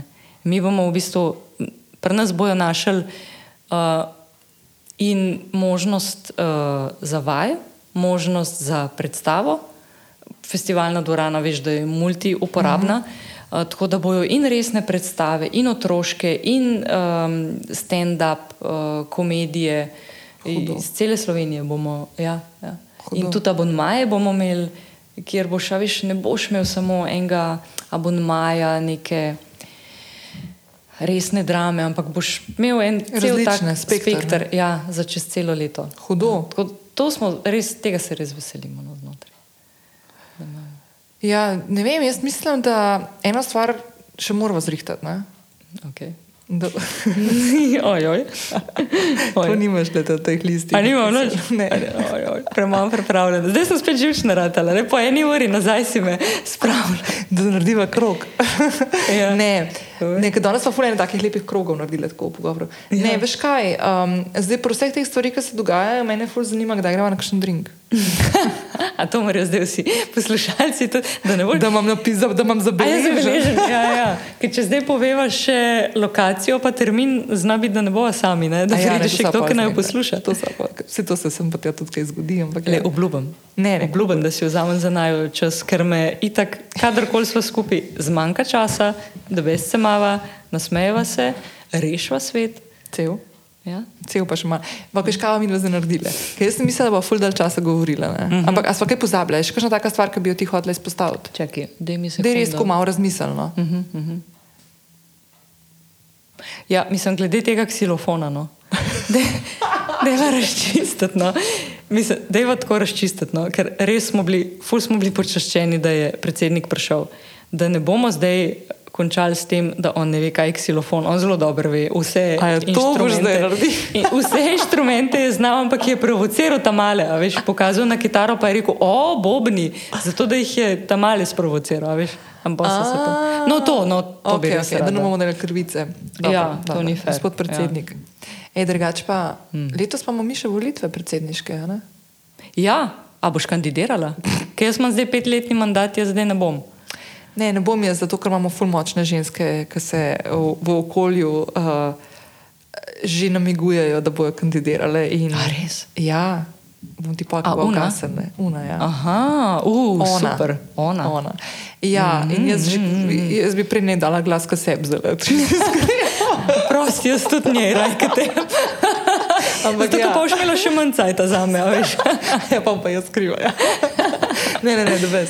Ne, tako da ne, ampak mi je tako, ful mi je, uh, ja, ja, zanimivo. Ful mi je všeč to. Um, Ma se sploh ne vem, zakaj sem zdaj sem zapravila, ampak da imaš to pokomentirati. Meni je pa to ful všeč, da se zdaj tako ženske ful bolj pojavljajo tudi v nekih takih krogih, ki se mi zdi, da zdaj v zadnjem obdobju, ali pa sploh nikoli, če si iskreno, ni bilo toliko zastopanosti žensk. No? Pa se mi zdi to ful.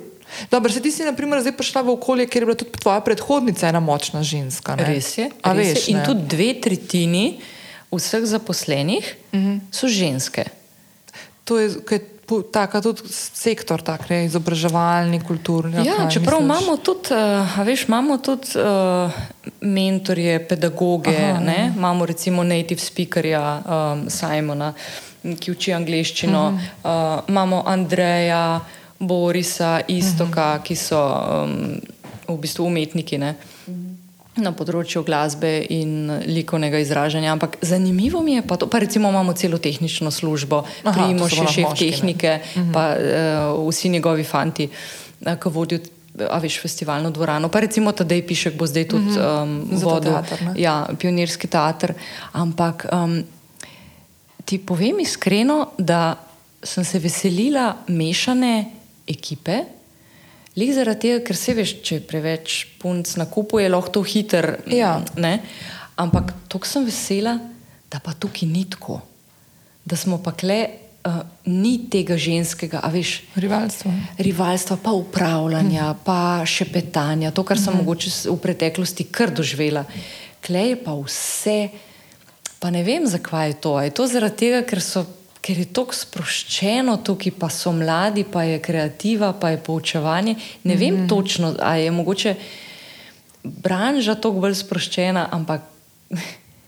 Vesela sem, da sem mm. v, uh, v obdana ženskami zdaj uh, v pionirskem Cool. domu. Ja, ja, Cool. ja. Ne, pa se meni se to zdi, mislim, meni je to zelo prav, prav da besmeno. Tako, ful sem vesela, da, da je tako ve, več žensk. No. Čeprav moramo še veliko narediti kot družba, tudi malo na tem, da se bomo znali. Ma, da ne bova šla v te teme zdaj, ker bo Twitter padla noter, ker ne bova tako zaključili, bova drugače zaključili. Zdaj, ko smo zaključili malo hitreje, se bom jaz povabila na ogled. Pridi, ja, te pelemo krog. Daj. Uh, danes verjetno nimava časa, da greva še v Art Center na Aha. Komenskega. A ja, o, A okay. Veš, to, kar ti obljubljam, To že. morava iti pogledat Ja, ja. to, je, to je pa. Sam ne pride tudi sopatih, zato ker pol ne boš sploh hotla več ven iti. Okay. To pa staromeščanska hiša, tako lepo prenovljena, gor mansarda, naj jo že vidim, naj jo že vidim na terasi. Mogoče gremo lahko pa tja na kafe. Preneseva sabo. Ja, Okej. greva, greva. No, Res je tako lepo. Um, in noter so pa, veš, te delavnice, slikarske, kiparske, ona, tako ogromna peč za. Kje je bivša prva dama tam hod na kiparstvo? Uh, gospa Helena Miklič Türk. A, Mm -hmm. ok. Mm. Hudo. Nekaj sem zdaj rekla, Helena. Helena jih hči, s Heleno ja. sem bila jaz v šoli, ne, Barbara Miklič, Aha, okay. joj, se pravi, če kaj sem zdaj naredila. Ne, a veš, Ja, tako ja. ime je na Heleno, ker ja, Helena je pa. Ja, so šolki smo bili v osnovni šoli. Okej. Ja, ona je zdaj na Ljubljanskem gradu. A, ok. Ja, cool. ja uh, mama, ja, uh, prva dama, uh, bivša, Barbara Miklič Turk, pa tam zelo lepe stvari dela. Sem videla, veš, njene uh, izdelke. E, veš, sem zadnjič uh, bivšega predsednika Turka uh -huh. poslušala na enem eh, zelo sproščenem pogovoru uh, z upam, da bodočo predsednico države.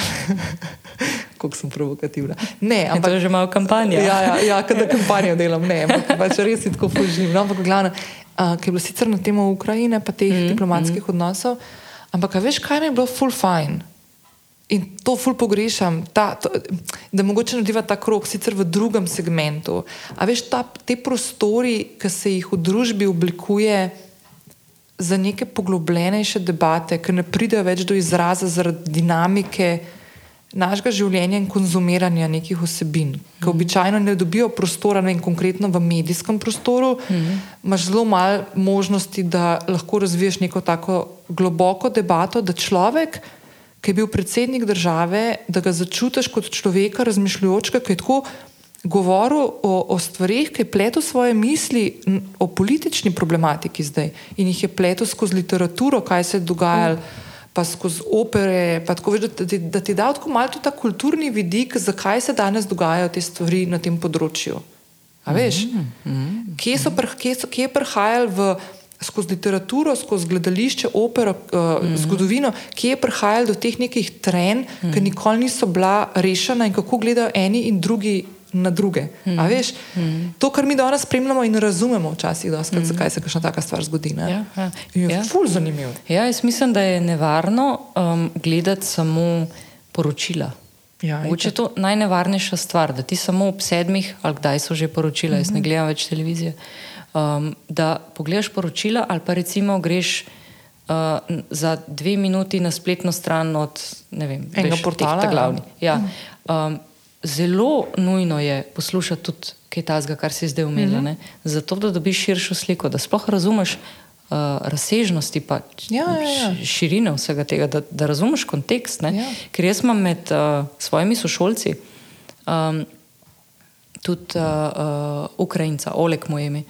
Um, on sicer ži, v- živi v Mariboru, dela v, v farmaciji, eh, celo družino ima tukaj, ampak tudi z njim se veliko pogovarjamo -huh. o tem. Zanimivo je videti, kako tudi on gleda na to kot Ukrajinca, veš, uh -huh. na celo situacijo, uh, kako on svojo družino. Um, različni vidiki so zelo, zelo pomembni, mm -hmm. da, da ne obsojaš prehiter, ne, ne delaš zaključkov. Sploh pa za stvari, ki jih v bistvu ne poznaš. Ne? Ja. Mislim, ja, vse to je. To, ja.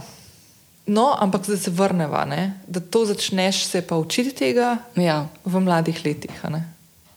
Da si kritičen. Lepo si zaključil. Bravo, No, bravo. vidiš. In tukaj, Ja. ne, zdaj, zdaj bom res eh, pocukrano zaključila. In tukaj, v pionirskem domu, se že smeje. Se vidi, da smo iz PR-a. Ja, ja, malo pa se nam povej, kar povej. Um, ni nihče um, utišan, Aha, vsi so slišani.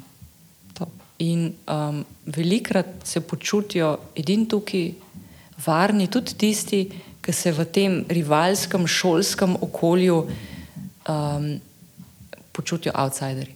Bravo. Mm. Sem to po mojem največ, kar lahko daš nekomu. Ja, Da mu pustiš glas.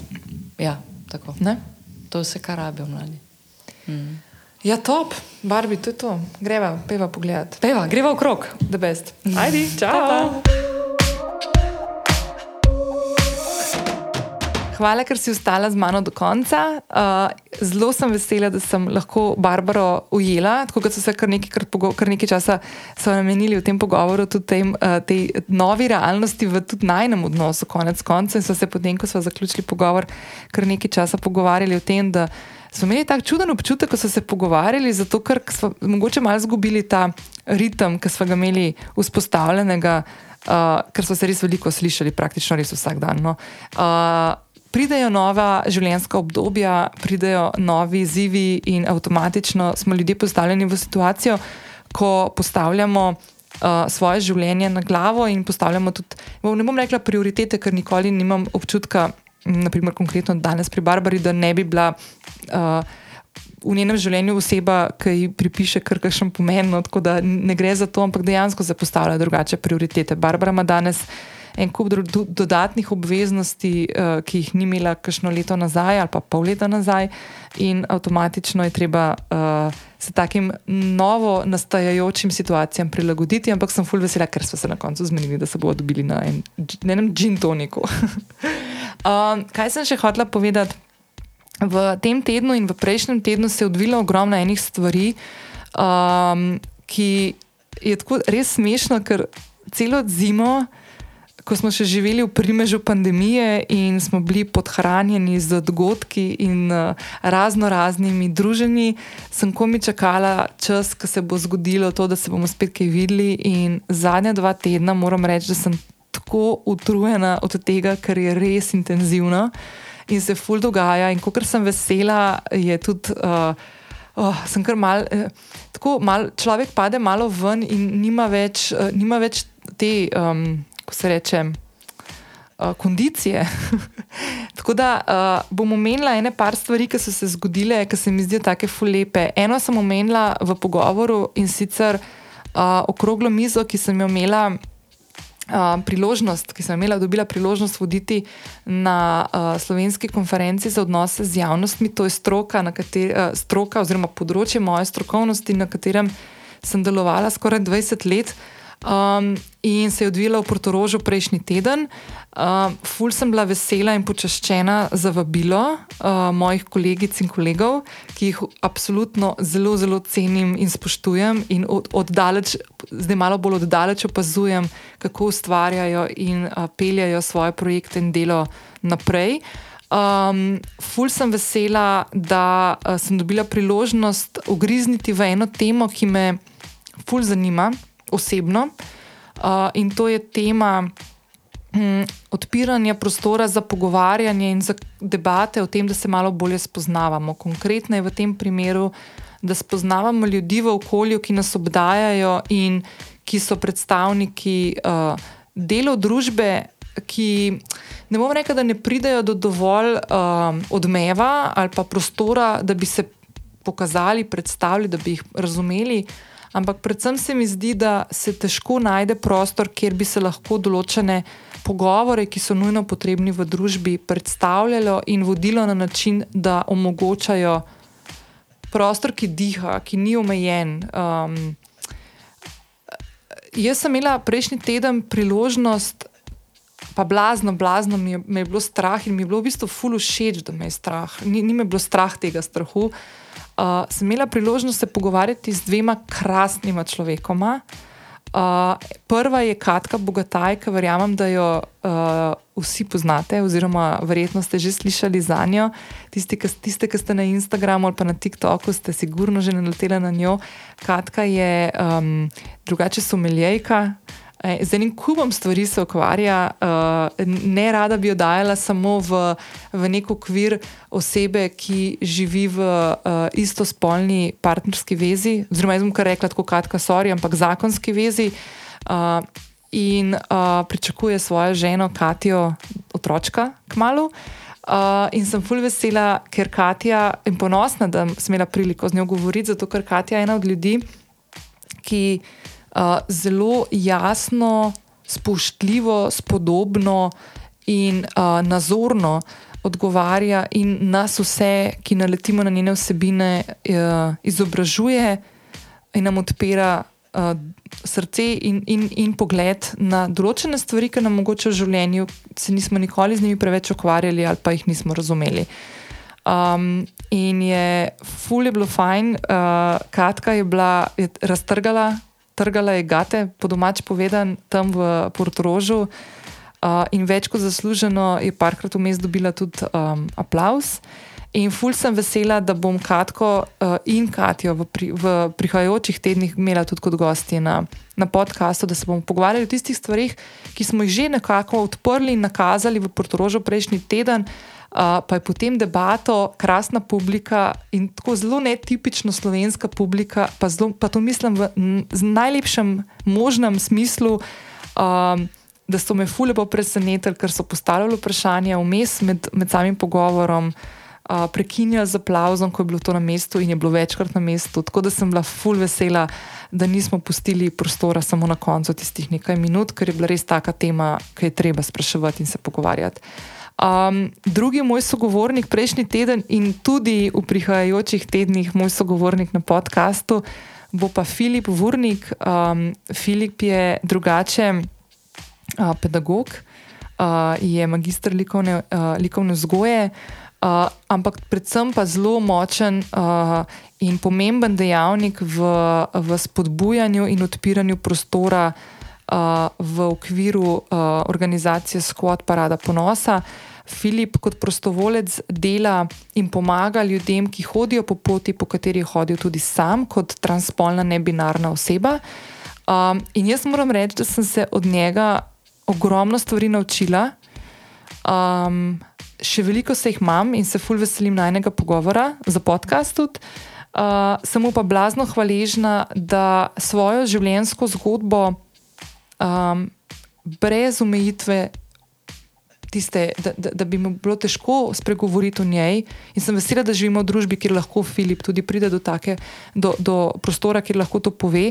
Uh, pove in skozi svojo zgodbo prikazuje um, izzive, ki jih ima v življenju, uh, in ki uh, um, ki mu nekako, uh, kaj, kaj vse vpliva na njegovo življenje, da lahko danes reče, da živi v neki svoji pristnosti, kaj vse je mogoče dati čez. To so stvari, ki jaz lahko zase rečem, nikoli si nisem niti predstavljala, ker sem se, um, bom rekla, temu rodila v, v telesu.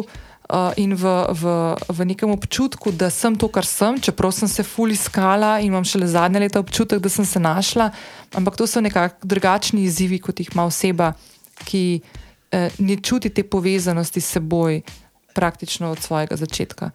Uh, in so neverjetne odločitve, neverjetni boji, izzivi, ki, za katere zelo, če zelo poenostavljeno rečem, si najmanj, kar si zaslužijo, je to, da damo kapo dol da zapremo in poslušamo, in odpremo, zapremo svoje usta in, in odpremo svoje šesa in poslušamo, in se ogromno iz tega naučimo. Ne samo o konkretno Filipu ali pa ljudeh, ki, pred, ki so predstavniki skupnosti LGBTQA, ampak predvsem se ogromno lahko naučimo tudi o sebi. Um, tako da, evo, to je bila ena stvar, ki se je zgodila zdaj v zadnjem obdobju. Uh, potem uh, zelo sem vesela, Uh, še ene stvari, ki jih zdaj zadnje čase ravno zaradi teh dogodkov opažam in sicer, uh, to je čisto smešen. Um, jaz, ko sem s podkastom začela decembra 2019, se pravi, ne tri mesece, dobre tri mesece pred začetkom pandemije, je ta podcast še iskal prostor v svetu. Ne? In šele zdaj, zadnje tedne, lahko rečem, da mi je noro lepo ko grem na neko ali dogodek, ali pa tako, ko sem imela priložnost voditi okroglo mizo. Um, in mi je noro lepo, ko pridete do mene. Vse ste že prej, ko se tako kje srečamo, ampak eh, v takih krogih je, v teh strokovnih, rečemo, se to zdaj mi prvič dogajalo. Um, postavljam, post, prvič se, se čutim v neki novi vlogi in novem delu, ki ga upravljam. In, in mi je fulepo. In se moram zahvaliti čist vsakemu in vsaki od vas, ki je v zadnjih spoh dveh tednih pristopila in s katero sem imela možnost spregovoriti kakšnih par stavkov. Tako da res ful hvala. Um, še ena stvar, ki se je zgodila, je, uh, aha, to moram povedati, da ne bom pozabila. Prejšnji teden, uh, ko sem objavila prvo video podcast epizodo z Barbie, završnik in v sodelovanju s Porsche Group Cardom, ful ste me sezule ste me in sezuli ste me z odzivom. Ful sem vam hvaležna za te stvari, ful sem vam hvaležna za vašo pozornost, za to, da se uh, vračate na podcast Lovim Ravnotežje vsak petek, um, da mi s tem, ki pridete, pomagate, da ustvarjam delo, ki me navdiš, navdihuje in ki, do katerega raz, sem, sem razvila neko tako nenormalno močno strast. In da v bistvu sem vam res zahvalen, zato ker brez vas tudi jaz tega dela ne bi mogla upravljati na tak način, kot ga upravljam. Ful se veselim prihajajočih um, vsebin, v katere bomo ugriznili, uh, tudi takšnih, po katerih zelo veliko sprašujete, uh, ampak bom to malo kasneje razkrila. Bom pa še samo eno stvar zdaj izkoristila, ta zadnji del. Um, in sicer, da vam povem, in če slučajno ima kdo na meni, uh, da vas povabim, da greste in, in izkusite, oziroma okusite uh, letošnji Beneški bienale. Jaz sem imela priliko za en dan, prejšnji vikend, si vzeti čas in skočiti uh, v Benetke. Pa vam lahko povem, kako sem se jaz tega lotila z mojim uh, Mihom. Uh, mi dva sva zjutraj res zelo, zelo zgodaj se zbudila, ob 1.4, ker so ob 6.15 imela vlak iz Trsta. Jaz grem v Benetke najraje z vlakom. Zato, da se ne vozim, zato, da ne iščem parkinga, pa zato, da ne plačujem tistih dragih parkirnin. In zato, ker mi je ključna stvar, je pa to, ker sem v dveh urah lahko v Benetkah, tudi če so na cesti gužve, greš z vlakom mimo. Uh, in najlepša stvar, ki se ti zgodi, ko stopiš iz postaje uh, Venecija, uh, Santa Lucia, uh, stopiš direktno na kanale Grande in vidiš takoj gondole in ladijski promet in tako naprej. In, tako, in takoj te butne tista beneška beneški občutek, uh, ki te tako krmo zapelje v neko tako uh, dopustniško razpoloženje. Uh, zdaj, mi dva smo bila v Benetkah en dan, uh, pa smo se vračala um, tam okrog sedmih. Um, Tako da so imeli kar netko zelo dopustniško, so kar veliko prehodila, ene 30 tisoč korakov so naredili, skoraj 25 km, ful so bila uničena. Lahko povem, da so benetke vračajo v, stare, uh, v staro sliko, kar pomeni, da se že ful dogaja gužva. Um, kar je fino, zato da če bo kdo od vas šel, dajte spremljati, pa mogoče kupiti vnaprej kakšne karte, pa to, to se ful splača prek neta na baut. A ja, uh, karta. Povratna karta z vlakom v obe smeri do Trsta je 30 evrov, 15 vsako smer. Uh, karta za obisk uh, teh glavnih dveh prizorišč, uh, Bienala, se pravi Džardini in Arsenal. Tam je tudi Slovenija uh, predstavljena uh, v, v enem delu, je pa 25 evrov 50. Um, Fule lepo, fule lepo, topli dnevi so že, Benetke so krasne, Bienale je. Uh, bil sicer naporen, ker v enem dnevu je kar veliko za videti, ampak uh, ne vem, jaz sem ful pogrešala, tako da bi, bila, da bi imela ta udar kulture, umetnosti, uh, audiovizualnih elementov, tako da bi me to zadel direktno v glavo in sem ful uživala. Tako da, to, tako da če, kdo, um, če kdo razmišlja o tem, pa se še ni čisto dobro odločil, laufite laufite. Zdaj ga ni bilo štiri leta, skoraj ta pravega, ta starega. In zdaj je nazaj in je full fine. Um, to je to. Uh, lepo se majte, en krasen petek vam želim, še lepši vikend, uživajte in se slišimo prihodnji teden. Ciao!